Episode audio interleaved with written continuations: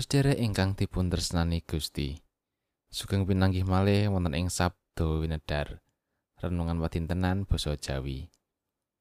Minangka tiyang pitados, kita mangertos bilih kita kautus minangka sarana kababaring katentreman saking Gusti wonten ing donya menika. Nanging kados pundi patrap kita menawi kita tingali kathah tumindak ingkang boten adil lan panganiaya ing sakiwatengan kita. Monggo kita sesarengan gegilut sabdanipun Gusti. Saderengipun kita ndedonga. Duh Gusti Allah Pangeran ingkang Maha Mulya. Matur nuwun Duh Gusti awit kameran paduka ingkang tansah kawula raosaken ing sauruting gesang kawula. Sakmenika Duh Gusti kawula badhe maos sabda paduka. Mugi Gusti kersa mbikak manah kawula. Lan kasagetna kawula mangertosi kersa paduka. Lan nindakaken ing gesang kawula patintenan. Mugi Gusti miyarsakaken pandonga kawula lan sakataing dosa kalepatan kawula mugi Gusti kersa ngapunteni. Wonten ing asmanipun Gusti Yesus Kristus kawula ndedonga. Amin.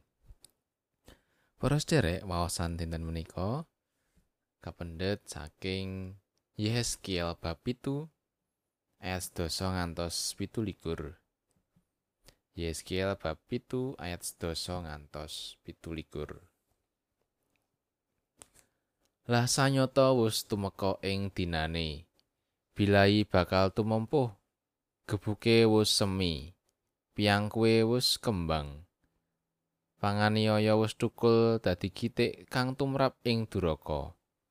Wong-wonge ora ana kang kari. Apa apane iya kaluberane. Iya kamulyane entek saluhurane pisan. Wus tumeka ing wektune, wis meh tumeka ing dinane. Sing tuku aja bunga, sing adol aja susah.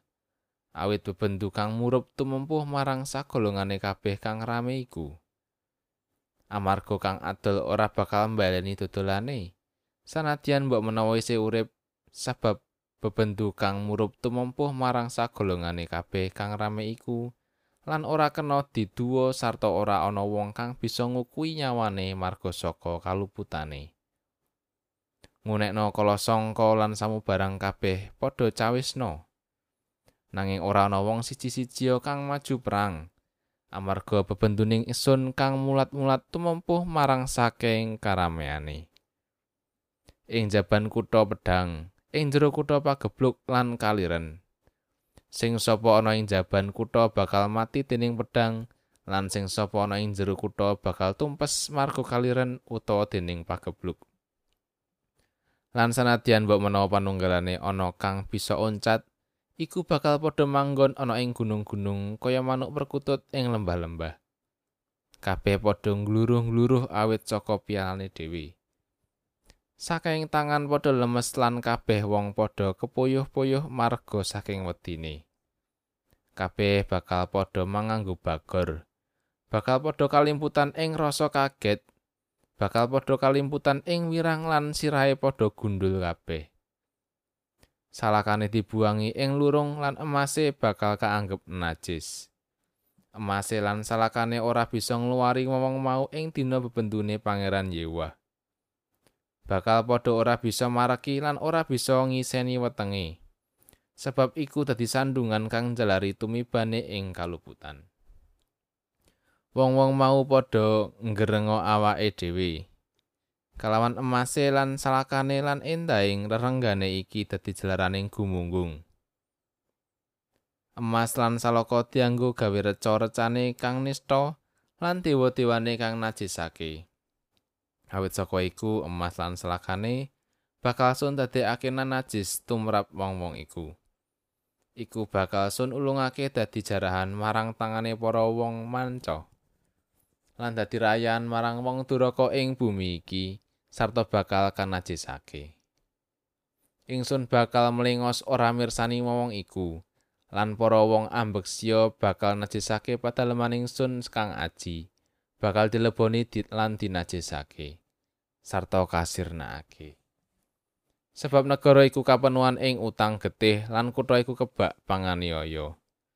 bangsa-bangsa kang ambek sia dhewe bakal sontokake wae anggone padha teka iku bakal padha ngebeki omahe ingsun bakal mungkasi gumunggunge kang tuwe marga saka kakuwatane iku sarta papan-papane pasucen bakal kanajisake padha tinempuh ing pagiris lan banjur padha ngupaya slamet nanging ora bisa oleh. Kasangsaran bakal gilir gumanti tekane pekabaran bakal sumebar susul sumusul. Padha kepengin oleh wahyu saka nabi piwulanging imam ilang uga pituture para pinituwa ratu bakal nandang priyatin lan panggete bakal kalimputan ing rasa geter sarta tangane sake wong kang manggon ing negara bakal lemes marga saka wedi ingsun bakal nandukake marang wong iku kang cunduk karo panggaweane lan ingsun bakal ngadili laras karo patrap anggone padha ngadili ing kono wong iku bakal padha sumurup yen ingsun iki Yehuwa. Makatan pangandikanipun Gusti, ayat nat singgih menika ayat 11. Panganiaya wis tukul dadi gitik kang tumrap ing duraka. Renungan den menika kaparingan ira-irahan panganiaya. Panganiaya asring dados margi kangge ngrampungaken sakathahing perkawis keadilan lan kamanungsan ing negeri Pancasila. ingkang sejatosipun isi kaendaraning ngagami keberadaban kamanungsan kamajemuan lan keadilan lan menawi kita migatosaken pawartos ing koran menapa dene televisi? Asring martosaken kanthi cetha trawaca prastawa rusuh. Tawuran.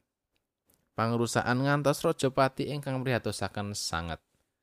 Panganiaya wus tukul Yeskel kanthi sanget. Martosaken kawusananing Yerusalem. Awit pratingkaing bangsa ingkang remen nindakaken panganiaya. Sedaya badhe ngraosaken lemes, asor lan sedaya badhe melajar awit saking ajrihipun boten wonten ingkang kantun. Sepinten kathahing kasugianipun boten badhe saged nyelametaken nyawanipun. Badhe madosi katentreman nanging iman sedaya sampun telat. Kasangsaranipun badhe sangsaya aurat awit ing wekdal menika piyambakipun badhe kecalan kekiyatan karohananipun. Inggih menika pamecanipun nabi piwulanging toret lan panggulawentahing pinituwa. Menika ateges mboten wonten malih ingkang badhe paring panglipur. Mboten wonten malih ingkang paring piwucal lan panggulawentah. Menika ingkang badhe sangsaya ndadosaken Yerusalem sangsaya asor lan nista. Mila leres. menawi panganiaya wis tukul dadi gitik kang tumrap ing duraka. Badhe ndadosaken kaendahaning gesang ingkang sampun kabangun badhe sirna. Bebuntenipun Gusti Allah estunipun boten kelangkung aurat. Awit estunipun bentuning Gusti Allah menika boten timbang kalian panerak ingkang sampun kendhakaken dening manungsa. Menapa malih Gusti Allah tansah mratelakaken katresnan lan pangapuntening dening dhateng manungsa. Pramila sakmenika sampun wekdalipun kangge kita. Minangka tiyang pitados sigek anggenipun nindakaken panganiaya dhateng sesami adhedhasar menapa kemawon. Amin.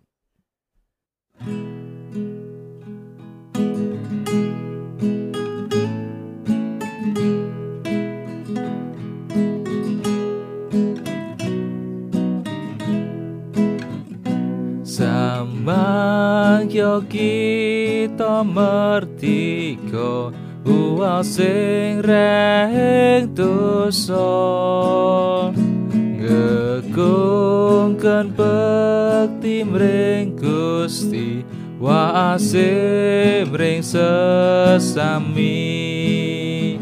Mugrarjan lan kabechan kang tansah ngiring kesang tinebus sang Kristus Gusti kula sinung basuki